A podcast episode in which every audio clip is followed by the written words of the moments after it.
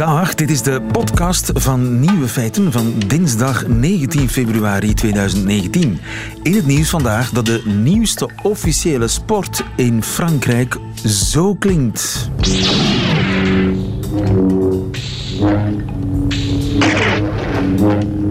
Juist ja, de jeugd schermt namelijk niet meer en daarom erkent de Franse Schermfederatie nu officieel het vechten met lichtzwaarden, zoals in Star Wars. Dat het een, een officiële sport wordt genoemd, eh, heeft te maken met het feit dat de jeugd niet meer schermt. En op die manier probeert de Franse Schermfederatie de jeugd weer aan de sabel te krijgen. Dat wordt schervenrapen volgens mij. De andere nieuwe feiten vandaag. Een eeuwenoud Italiaans klooster in de bergen wordt een universiteit voor populisten. In Frankrijk is een robot gemaakt die navigeert als een woestijnmier. Een eenvoudig voedingssupplement kan je geheugen verbeteren. Meer en meer mensen hebben een klimaatdepressie of landschapspijn of zijn ecorexiatisch, als dat al een woord is. En Karel Lagerfeld is overleden. De nieuwe feiten van Otto Jan Ham hoort u in zijn middagjournaal. Veel plezier.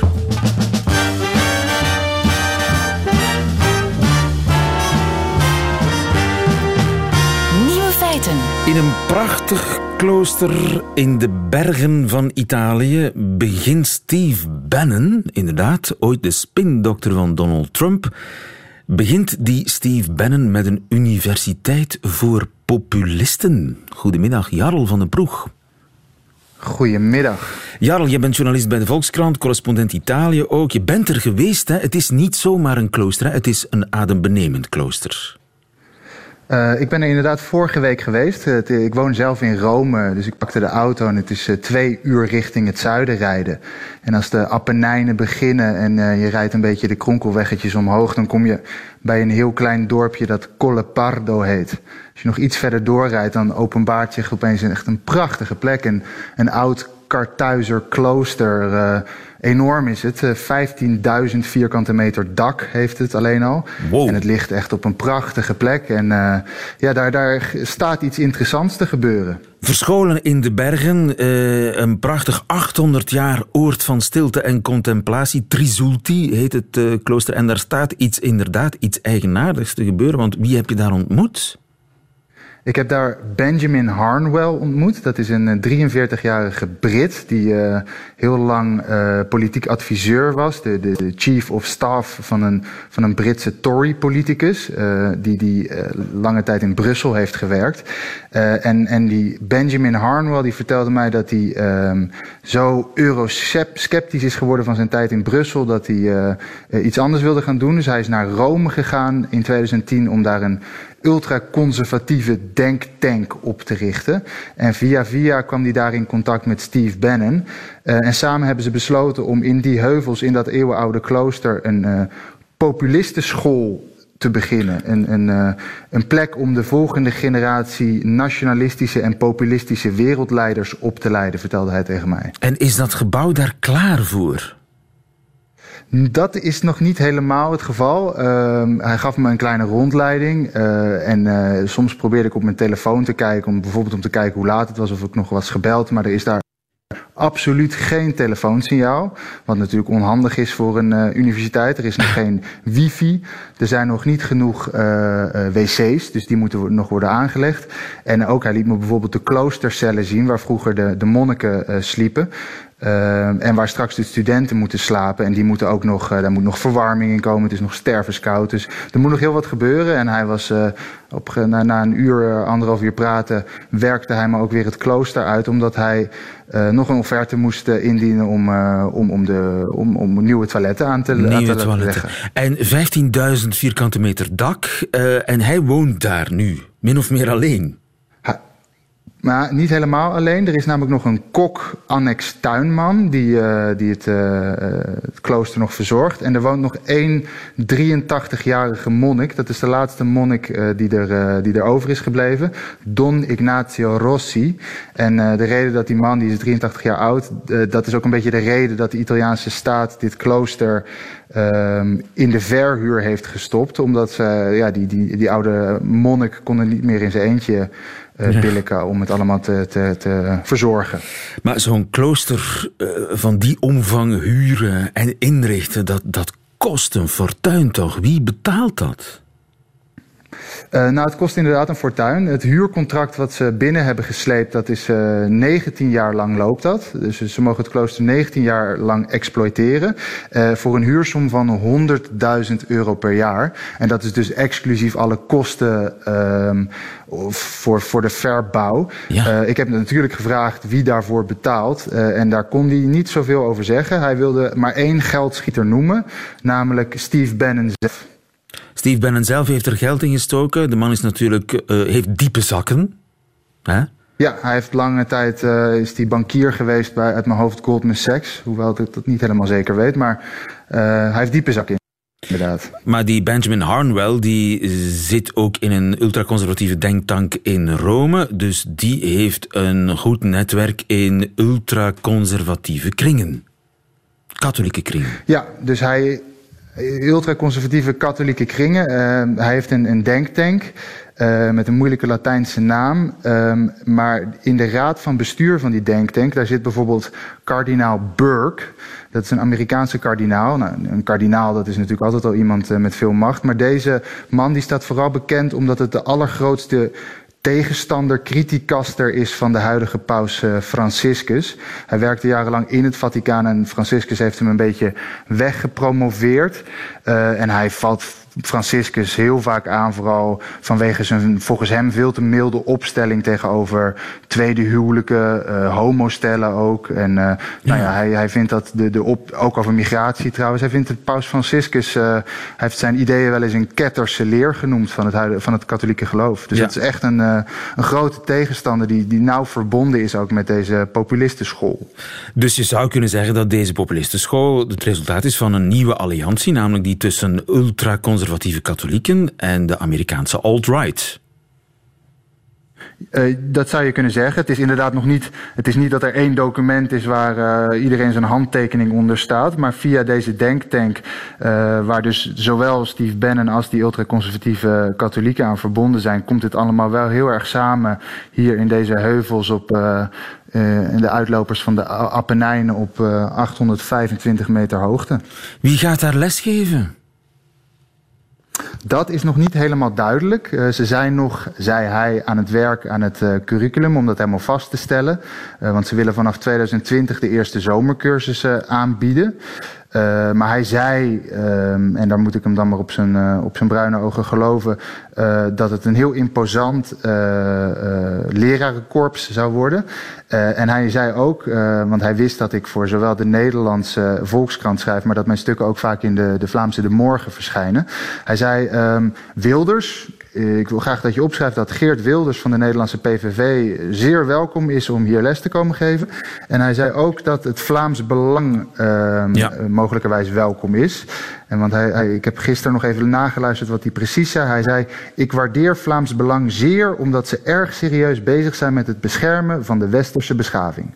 Ja, dus bij deze is wellicht ook Flip de Winter uitgenodigd om te gaan lesgeven aan, de, aan zijn potentiële opvolgers.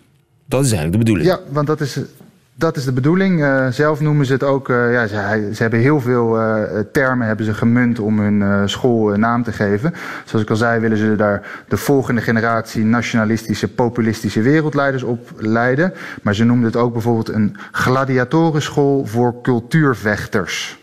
Nou. Dus uh, nou, je, weet, je weet wat er gaat gebeuren. Je kan je voorstellen wat er gaat gebeuren in de, in de nabije toekomst. Ja, 800 jaar was het een oord van stilte en contemplatie. Een van de bakermatten van uh, onze beschaving wordt een, wat zei je, een gladiatorenschool voor cultuurvechters.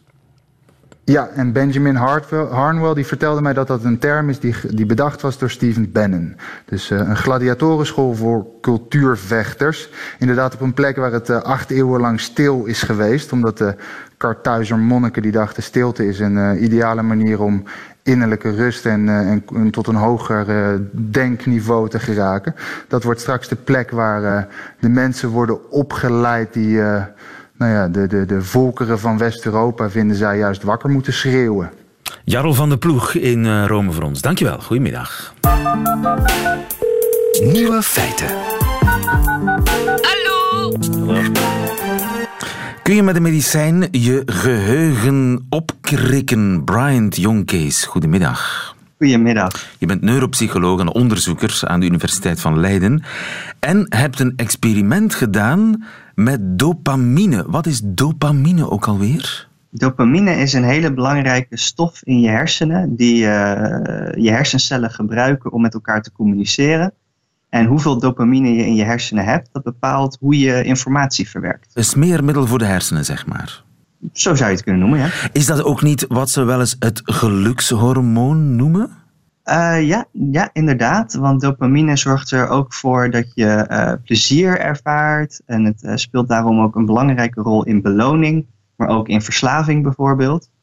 Um, maar waar ik meer geïnteresseerd in ben, is hoe het dus onze informatieverwerking beïnvloedt. Dus Oh ja. hoe goed je het kunt vasthouden of juist kunt wisselen tussen verschillende taken, geheugen, dat soort dingen.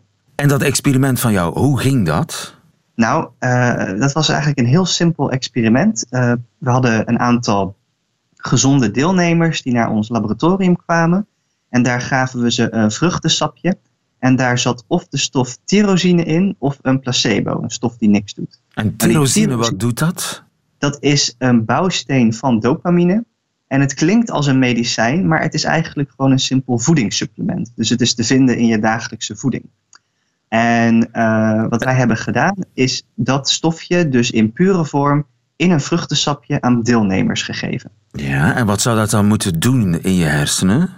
Het idee is dat uh, wanneer je je hersenen hè, wat meer bouwstenen van dopamine geeft en je gaat vervolgens een moeilijke taak uitvoeren waar het brein dopamine bij nodig heeft, dan kan het dus ook een extra beetje dopamine aanmaken. En met, met die klein... extra tyrosine kan het extra dopamine maken? Precies. Oké. Okay. En dus je hebt die, allerlei proefkonijnen in het laboratorium gebracht. Je hebt die vruchten, gewoon vruchtensap gegeven met een placebo en een vruchtensap met tyrosine. En wat blijkt? Nou, wat blijkt is dat uh, hè, we hebben ze verschillende taakjes laten doen, zoals een geheugentaakje of uh, juist uh, wisselen tussen twee verschillende taken heel snel. En wat blijkt mensen, wanneer ze die tyrosine hebben gehad, dan zijn ze sneller en accurater in dit soort taakjes dan wanneer diezelfde mensen een placebo hebben gehad. Dat is nogal wat, dus je kan je geheugen pimpen. nou ja, dat uh, lijkt inderdaad wel de conclusie. Ik moet daar natuurlijk meteen bij zeggen dat we een heel erg kunstmatig geheugentestje hebben gebruikt. He, dus we moeten nog goed gaan onderzoeken hoe we dit in het dagelijks leven kunnen gebruiken. Maar de resultaten zijn in ieder geval heel veelbelovend. En uh, mocht je nu dubbele dosis hebben gegeven, was het dan uh, het resultaat dan dubbel zo goed, denk je? Nou, ik vind het leuk dat je dat vraagt. Het mooie is namelijk dat dat niet het geval is. Um, want je lichaam kan eigenlijk maar een klein beetje extra tyrosine omzetten in dopamine. En dat betekent aan de ene kant dat de effecten van de tyrosine uh, kleiner zijn dan wanneer je andere echte drugs gebruikt. Maar aan de andere kant betekent het ook dat je niet een uh, overdosis kan nemen. En dat het dus geen vervelende bijwerkingen heeft. Oh ja, maar is er een test om te checken of ik wel genoeg dopamine aanmaak? Nou, er is niet echt een, een test voor, uh, helaas. Ik zou willen dat het makkelijk is om dopamine in het brein te meten. Maar een deel van mijn ander onderzoek gaat hier wel een beetje over. Namelijk dat hoe vaker men knippert met hun ogen, hoe hoger het dopamine in de hersenen is. Wacht, dus knipperen met de ogen is gelinkt aan je dopaminespiegel, zeg maar. Ik weet, het klinkt heel gek. Maar er zijn, uh, ik heb toevallig, uh, wat is het, ongeveer twee jaar geleden een hele grote literatuurstudie gedaan. En daar heb ik gekeken naar meer dan 100 onderzoeken uh, die dit hebben onderzocht. En daaruit blijkt inderdaad dat wanneer je men bijvoorbeeld een drug geeft dat dopamine verhoogt, dan gaan ze vaker knipperen. Als je ze een drug geeft wat dopamine verlaagt, dan gaan ze minder vaak knipperen. Mensen die een aandoening hebben, zoals Parkinson, waarbij het uh, dopamineniveau sterk verlaagd is, gaan, die mensen knipperen ook heel weinig. Terwijl mensen met schizofrenie uh, hebben juist te veel dopamine en die knipperen ook te vaak. Nou, zo kan ik nog wel even doorgaan. Ik heb terwijl je dat zegt zes keer geknipperd. Is dat ongeveer het uh, standaard gemiddelde op een, ja, een kleine minuut tijd? Mm, is iets wat laag, maar... het is ongeveer, het is, het is sowieso meer dan genoeg om je ogen vochtig te houden. Want Mhm. daarvoor hoef je er, eh, nou ja, misschien vier keer per minuut te knipperen. En afhankelijk van eh, welke bevolking je test, eh, ligt het gemiddelde zo meestal tussen de, de 10 en de, de 15. En het hangt ook heel erg van af wat je op dit moment doet. Wanneer je bijvoorbeeld praat, dan ga je vaker knipperen dan Ja. wanneer je aan het lezen bent of gewoon stil bent. Dus eh, er zijn verschillende eh, momenten waarop je dat zou kunnen meten. Dus, maar er is niet echt een test om te zien of ik wel genoeg dopamine aanmaak. Maar is het dan sowieso een goed idee om preventief ja, dat voedingssupplement waarvan jij sprak, die tyrosine, te, te, te slikken? Eh, ik, nou ja, het mooie is, zoals ik al zei, het is eigenlijk niet mogelijk om een overdosis te nemen van tyrosine. Het is gewoon een voedingssupplement, dus het kan zeker geen kwaad. Je kan het bij elke willekeurige drogisterij kopen. Wow. Dus, maar wonderen mogen we daar toch niet van verwachten, veronderstel ik. Nee, absoluut niet. En ik zei net ook al, hè, het eh, aantal dopamine wat je extra kan gaan aanmaken is maar een klein beetje. Dus je moet zeker niet verwachten dat je ineens eh, ontzettend veel slimmer gaat worden. Sterker nog, eh, het kan zelfs zijn dat je zelf het verschil niet merkt. Maar dat betekent niet dat je natuurlijk niet beter bent geworden. Ja, maar in ieder geval, het is een, een piste die verder onderzocht eh, moet worden. Jij, eh, overmorgen ga je promoveren op dit onderzoek aan de Universiteit van Leiden. Mag ik je daar al hartelijk bij feliciteren. Dankjewel. Hartelijk Brian Jonkees, goedemiddag. Goedemiddag. Nieuwe feiten. Milieumelancholie. Heeft u daar wel eens last van? Of landschapspijn? Wel, dan bent u niet de enige. Evanne, goedemiddag. Goedemiddag. Evanne Nowak, je bent praktisch filosoof. Hè? En Ja. in die hoedanigheid heb je vorige week een groepsessie gegeven in Utrecht. Therapie voor je klimaatdepressie. Dat bestaat dus Ja. kennelijk, een klimaatdepressie. Ja, zeker.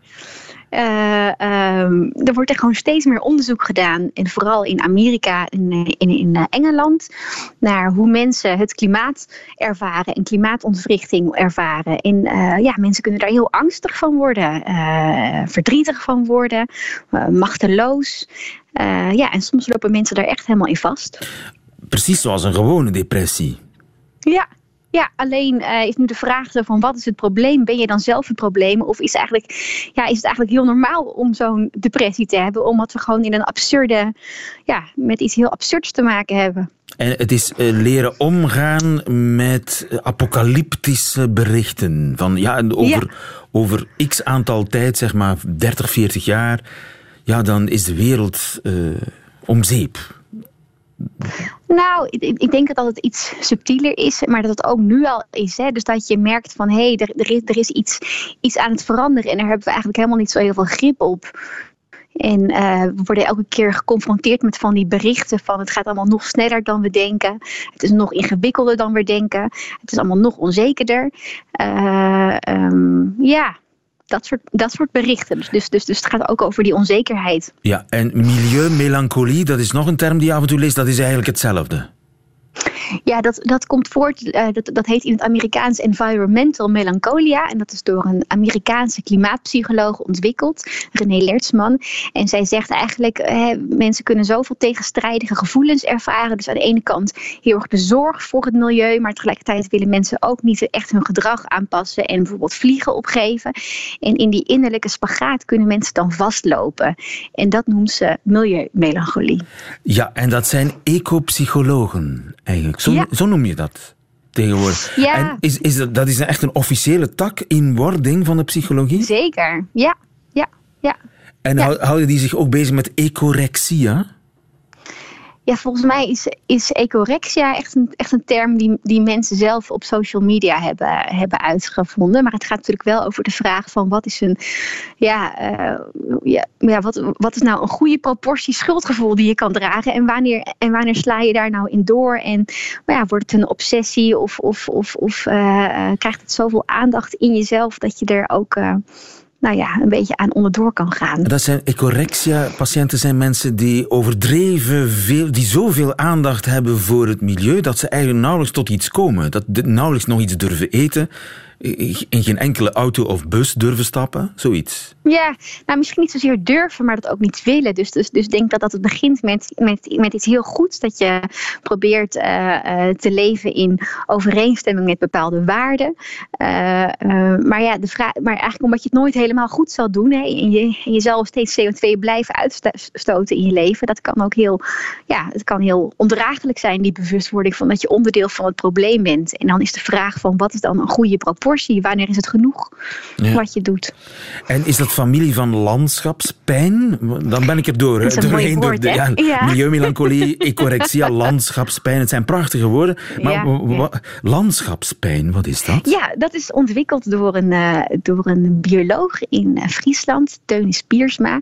En um, hij, hij ervaart landschapspijn als hij kijkt naar het Friese landschap. Dus, dus hij ziet hoe die biodiversiteit eigenlijk enorm is afgenomen. Dus hij ziet die, die vogels niet meer, die insecten niet meer. Hij ziet gewoon één groot groen grasveld, productieland. Ja. En het, ja, het, doet, het, doet een pijn hoeveel ja, er zoveel is verdwenen. lijkt mij gewoon een gevoel. En dat is natuurlijk de vraag, zijn dat gevoelens of zijn dat mm -hmm. ziekten? Nee, ja, nou, dat vind ik echt een hele terechte vraag. Hè? Van uh, wanneer, wanneer is het nou een ziektebeeld wat je moet gaan behandelen, of, of juist iets heel goeds wat je moet omarmen en waarvan je hoopt dat iedereen het meer zou gaan voelen. Die angst en die, en, en die zorg en die pijn. Um, en daar heb je zelf eigenlijk ja, ook het antwoord nee, ik denk niet zeker op. Niet. Nee, nee. Maar ik denk dus dat het goed is om het wel met elkaar het gesprek daarover te hebben. Dus nu gaat klimaatverandering altijd over van hè, wat is er aan de hand en hoe kunnen we het oplossen. Maar, maar intussen doet het ook heel veel met mensen en, en hebben we het daar niet zo vaak over. Vandaar die groepstherapie-sessie, dat is eigenlijk gewoon een soort ja. uh, groepsgesprek. Precies, precies. Een stand-up for your depression. Hè? Zo van, het is ook niet, uh, uh, juist als we ons realiseren dat je niet alleen bent in die gevoelens van misschien onmacht of wanhoop of verwarring. Uh, nou, ja, laten we dat niet allemaal individueel beleven, maar juist met z'n allen. Want dan kunnen we het misschien ook gebruiken als bron om in actie te komen en ja, met nieuwe oplossingen te komen. Dus praten met elkaar, dat, dat helpt. Er zijn tegenwoordig uh, ecopsychologen die opstaan. Ze zijn nog zeldzaam, maar dat zijn mensen die zich specialiseren in dat soort eco-negatieve gevoelens, zal ik ze maar dopen ja. on the spot. Uh, geloof jij daarin, in die, in die, die ecopsychologen die therapieën aanbieden?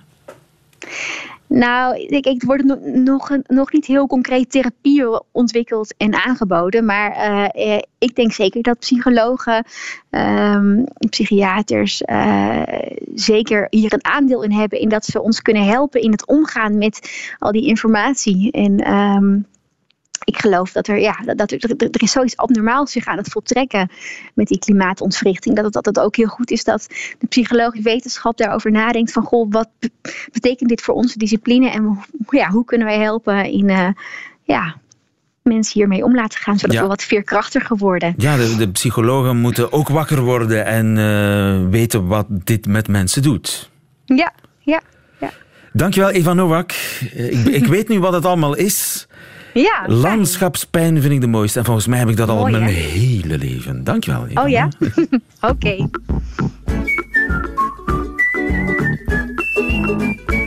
Nieuwe feiten. Een uh, robot die zijn weg kan vinden zonder GPS. Het is een technisch wonder en dat wonder dat is verricht door professoren in Zuid-Frankrijk die inspiratie haalde bij de woestijnmier. Professor Wenseleers, goedemiddag. Ja, goedendag. Ja. Tom Wenseleers ja, van de dus, Universiteit uh... van Leuven, je bent daar bioloog. Ja, die robot die ziet er een beetje uit als een spin, maar hij navigeert als een woestijnmier. Want de robot die ze in Frankrijk gemaakt hebben, daar zit geen GPS in, want een GPS dat is niet nauwkeurig genoeg voor zo'n robot. Zo'n robot moet tot op de centimeter nauwkeurig zijn weg kunnen vinden. En daarom hebben ze de technologie gekopieerd van de woestijnmier. Wat is er zo bijzonder aan de navigatiekunsten van de woestijnmier? Ja, dus die, die woestijnmieren um, leven in, in een uh, omgeving die extreem warm is. En het is uh, daarom belangrijk dat ze, als ze uh, op zoek gaan naar voedsel buiten hun nest, dat ze heel efficiënt eigenlijk oriënteren om, uh, en nooit de, de weg kwijt geraken. En dat ze daardoor zo snel mogelijk terug kunnen geraken naar hun nest als, ze een prooi vinden. Ja, en, en gewone mieren doen dat met een geurspoor, dacht ik, hè? Om, om hun weg terug te vinden? Ja, klopt. Dus veel andere soorten gebruiken geursporen, maar in die woestijnomgeving daar is veel te warm en zouden die, die, die geurstoffen eigenlijk direct verdampen. Dus de, dat is een mechanisme dat ze daar niet kunnen gebruiken. Um, maar wat de mieren daarop gevonden hebben, die woestijnmieren, is dat eerst gaan ze eigenlijk, als ze buiten het nest komen, kriskras hun omgeving verkennen. Maar het verbazende is, als ze een prooi vinden, lopen ze dan direct mooi in één rechte lijn terug naar hun nest. En om dat mogelijk te maken, gebruiken ze een systeem dat padintegratie heet. En dat werkt via drie verschillende mechanismen. Dus ze hebben een, uh, een zonnekompas. Dat werkt met uh, gepolariseerd licht. Verder tellen ze dan ook hun stappen. En in een laatste studie nu hebben ze ook gevonden dat ze eigenlijk optic flow gebruiken. Dat is uh, iets waarbij ze eigenlijk meten hoe snel hun omgeving zich voorbij beweegt in hun beeldveld. En door die drie zaken eigenlijk te combineren, kunnen ze eigenlijk terugrekenen, kunnen ze telkens als ze een, een eindje lopen en dan een, een, hoek maken en nog een eindje lopen en, enzovoort, kunnen ze eigenlijk al die afstanden en die hoeken optellen om dan eens een prooi vinden, dat allemaal terugrekenen en te zeggen van ah ja, nu moet ik naar daar draaien, want daar is de nest en zo ver lopen. En dus dat is eigenlijk een, een, een heel verbazend dat eigenlijk een organisme dat ja, zo weinig neuronen in, in zijn hersenen heeft, eigenlijk zo'n complexe berekeningen kan maken. Eigenlijk. Maar een woestijnmier ziet zijn nest niet? Uh, nee, dus uh, wel, uh, tenzij hij er echt vlakbij is, maar, maar um, nee, ze moeten dus effectief die afstand tot die nest eigenlijk heel de tijd kunnen bijhouden en, en ook de richting waar de, waar de nest ligt. En dat kunnen ze dus blijkbaar, ja, ook al lopen ze eigenlijk heel tijd kriskras rond om een prooi te vinden, kunnen ze dan ineens zeggen van oké, ik heb nu een prooi gevonden, nu wil ik direct in rechte lijn terug naar mijn nest lopen. En dan kunnen ze ja, blijkbaar dus zowel de richting als de afstand hebben ze dan eigenlijk gememoriseerd. En uh, kunnen ze ja, direct in rechte lijn teruglopen naar hun nest. Ja. En het is hetzelfde nu dat ze met die robots gedaan hebben. Dus dat zijn uh, zespotige robots uh, die een beetje op dezelfde manier lopen als die mieren. Um, en als ze die robots loslaten, dan kunnen die hun omgeving een beetje gaan exploreren. En dan op een bepaald punt, als ze iets gevonden hebben dat ze, dat ze moeten vinden, kunnen ze dan in rechte lijn teruglopen naar het beginpunt waar ze zijn losgelaten, bijvoorbeeld. En dat is alleen maar uh, op basis van de stand van de zon, op basis van stappen tellen en op basis van ja, de omgeving die voorbij flitst in het beeldveld, zei je. Ja, klopt. Ja, ja exact. Maar dus, uh, een, dus we zeggen altijd een paardengeheugen, maar eigenlijk zouden we moeten zeggen een mierengeheugen. Ja, ja, wel. Want die mieren doen maar met uh, 10.000 neuronen in hun hersenen. Dan kunnen ze eigenlijk dit soort complexe berekeningen maken. En uh, ja, dus het voordeel van die robots nu is dat dus geen GPS nodig hebben, geen GPS-signaal. Dus dat werkt dan bijvoorbeeld ook als ze in een gebouw zouden lopen, bijvoorbeeld, waar, hè, waar ze GPS-signalen niet meer kunnen waarnemen. Dan ze daar nog altijd uh, dat oriëntatiemechanisme behouden. Um, en het, het, het, vergeleken met andere oriëntatiemechanismen die bijvoorbeeld gebruikt worden in uh, zelfrijdende auto's en dergelijke, is het eigenlijk ook een veel eenvoudiger systeem. Dus het, uh, ze hebben het nu ontworpen met um, een, een, sensor die maar 14 pixels heeft. Dus uh, als, als je dat vergelijkt met wat er, de, de technologie die er in, in zelfrijdende auto's zit, is dat een enorm verschil natuurlijk. Zelfrijdende auto's die hebben radarsystemen, lasers die hun omgeving afscannen en eigenlijk een, een volledig beeld van de omgeving maken. Dus de deze die doen dat niet, die hebben maar 14 pixels. En met die 14 pixels kunnen ze eigenlijk um, ja, alles uh, berekenen wat ze nodig hebben om eigenlijk helemaal uh, terug te wandelen. Ja. Dus uh, de robot van de toekomst zal misschien denken als een mier. Ja, klopt. Ja, ja. ja dus het is het is een kwestie van eigenlijk eenvoudige systemen die in de natuur voorkomen, eigenlijk te gaan exploiteren in een, in een technologische context. En dan kom je op dit soort ja, verrassende nieuwe ontdekkingen. Het is een wonder, Tom. Dankjewel, Tom Menseleers in ja. Leuven voor ons. Goedemiddag. Ja, graag gedaan. Dag. Nieuwe feiten. Intussen eh, loopt hier het bericht binnen dat keizer Karl is overleden. En de kenners weten dan meteen wie ik bedoel. Karl Lagerfeld. Vele Windels, goedemiddag. Goedemiddag, lieve. Je bent uh, modejournaliste. Uh, Karl Lagerfeld, hoe oud is hij geworden? Oud, hè? Ja, 85, als we het mogen geloven, want hij deed daar zelfs, zelfs nogal uh, geheimzinnig over. en hij um, was al een tijdje ziek, want hij was afwezig op de modeweek. Hopla. Vele is... Virginie, Virginie jaar. En... Uh, Vele, ga, niet ga, meer? Nee, ga even dicht bij een raam staan of ga even buiten staan. Ik ga intussen bij Els. Dag Els Pinot. Hallo. Els van Vive la Fête, jij hebt Karel Lagerfeld meerdere keren ontmoet, toch, hè? Ja, want het is al een tijdje geleden natuurlijk. In 2002 was dat, hebben wij zo een jaar met hem opgetrokken. En uh, mochten wij op zijn shows, op de shows van Chanel spelen. Uh, in Tokio, Parijs, Berlijn, New York, Las Vegas. We hebben van alles meegemaakt. En dat is uh, onvergetelijk natuurlijk. Onvergetelijk. Ben er echt van ja, je bent er echt van aangeslagen dat hij uh, ja. niet meer onder ons is. En heb je ook uh, ja. met hem persoonlijke gesprekken kunnen voeren? Heb je hem wat beter leren kennen? Ja, want dan waren we ook een keer uitgenodigd bij hem thuis. En dan waren we daar een weekend, Danny en ik, samen. En dan uh, waren we zeer dicht bij elkaar. En alleen samen eten altijd. We zaten naast elkaar aan tafel. En dan toonde hij zijn uh, familiefotoboek. Van als hij klein was met zijn pa, als klein kindje en al. Dus ja, we hebben heel, heel toffe gesprekken gehad. Dat was, allee, dat was fantastisch in feite, ja. Ja, want we kennen schone natuurlijk... Man, ja. Schone man. We kennen hem met zijn Ja. zwarte pak, zijn eeuwige Ja. zwarte zonnebril, zijn sneeuwwitte staart. Dat lijkt mij een, een masker, maar achter dat masker zat een, eh, een aimabele man. Ja, ik vond dat een zeer warme man en eh, zo'n beetje zot ook. Ja, deed zijn goesting. Ja, ik bewonderde hem toch, dat hij in elkaar zat. Ben altijd, en ik heb hem altijd in mijn hart gedragen. Eh, door de dingen dat we meegemaakt hebben, maar ook omdat ik hem echt als persoon heb leren kennen. Het is niet, ik kijk niet altijd, ik volg hem niet wat dat hij allemaal ontwerpt en zo, maar gewoon wie dat hij was, vond ik super, ja. ja. Toch... eh, Hij, hij beweerde dat hij onsterfelijk was. Maar wel, onsterfelijk. Hij- Niemand zal hem ooit vergeten, want het was een zeer belangrijk persoon in de modewereld. Ehm, maar je hield er wat rare gedachten op, op na soms. Maar ja, waar is Wie- wie- is, er, is er iemand met zijn telefoon aan het spelen? Zou dat Veerle kunnen zijn? Veerle, ben jij er nog? Ik ben, niks, ik ben niks aan het doen, nee. Ik ben niks aan het doen. Ik rijd in de auto. Je rijdt. Ja, ik weet niet of dat, Ja. of, of dat een geweldig goed idee is. Maar eh, eh, hoe, hoe, hoe zou je zijn belang inschatten als ontwerper? Hij heeft 70 jaar eh, mede mode bepaald. Hij heeft ook op verschillende huizen getekend. Niet alleen Chanel, maar ook Fendi. Ook Chloe, ook zijn eigen label natuurlijk. En het, het ding is dat die man toch wel een, eh, een luxe huis heeft weten te vertalen van oud naar nieuw. Eh, Coco Chanel was groot in de jaren 20, 30 en 50.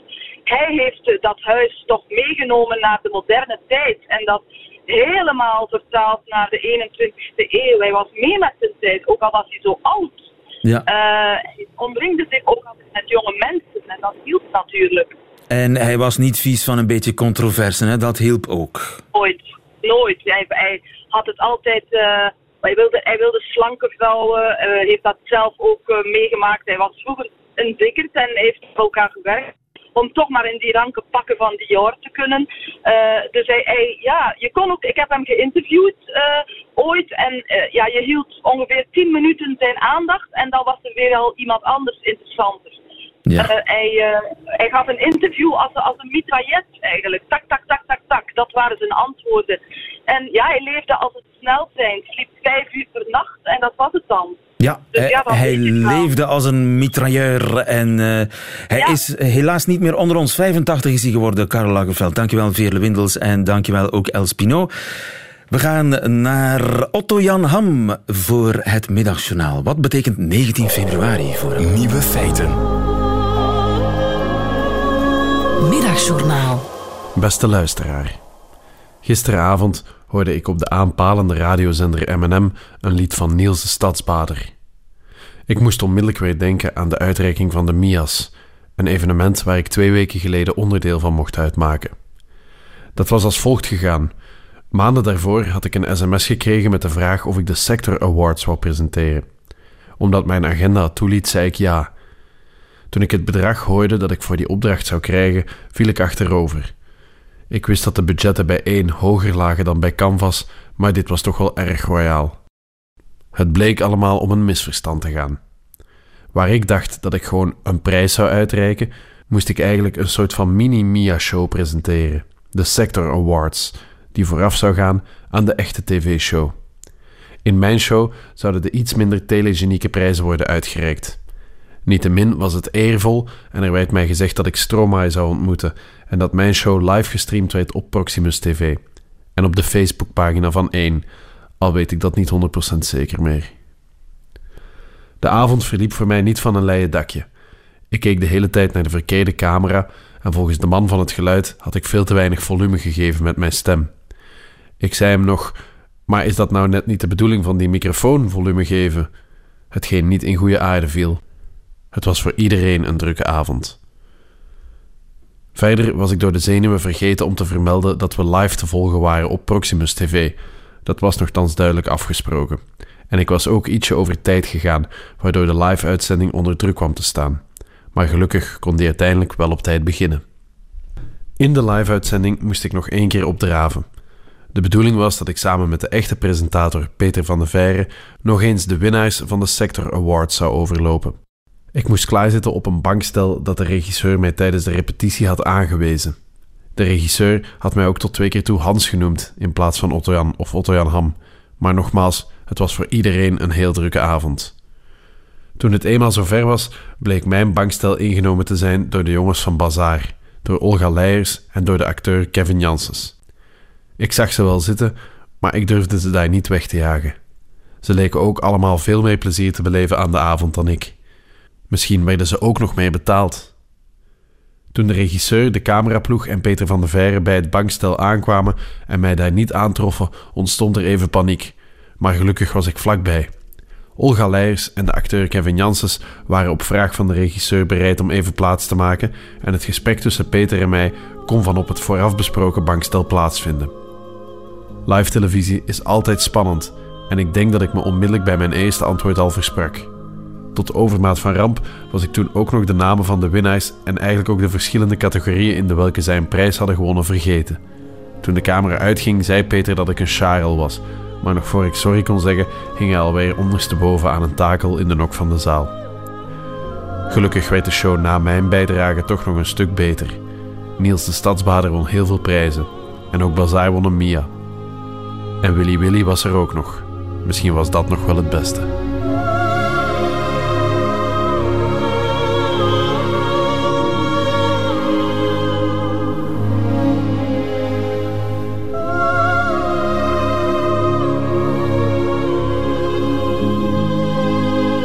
Het Middagjournaal met Otto-Jan Ham. Einde van deze podcast, maar u hoort er nog veel meer op radio1.be en op alle mogelijke podcastkanalen. Tot volgende keer.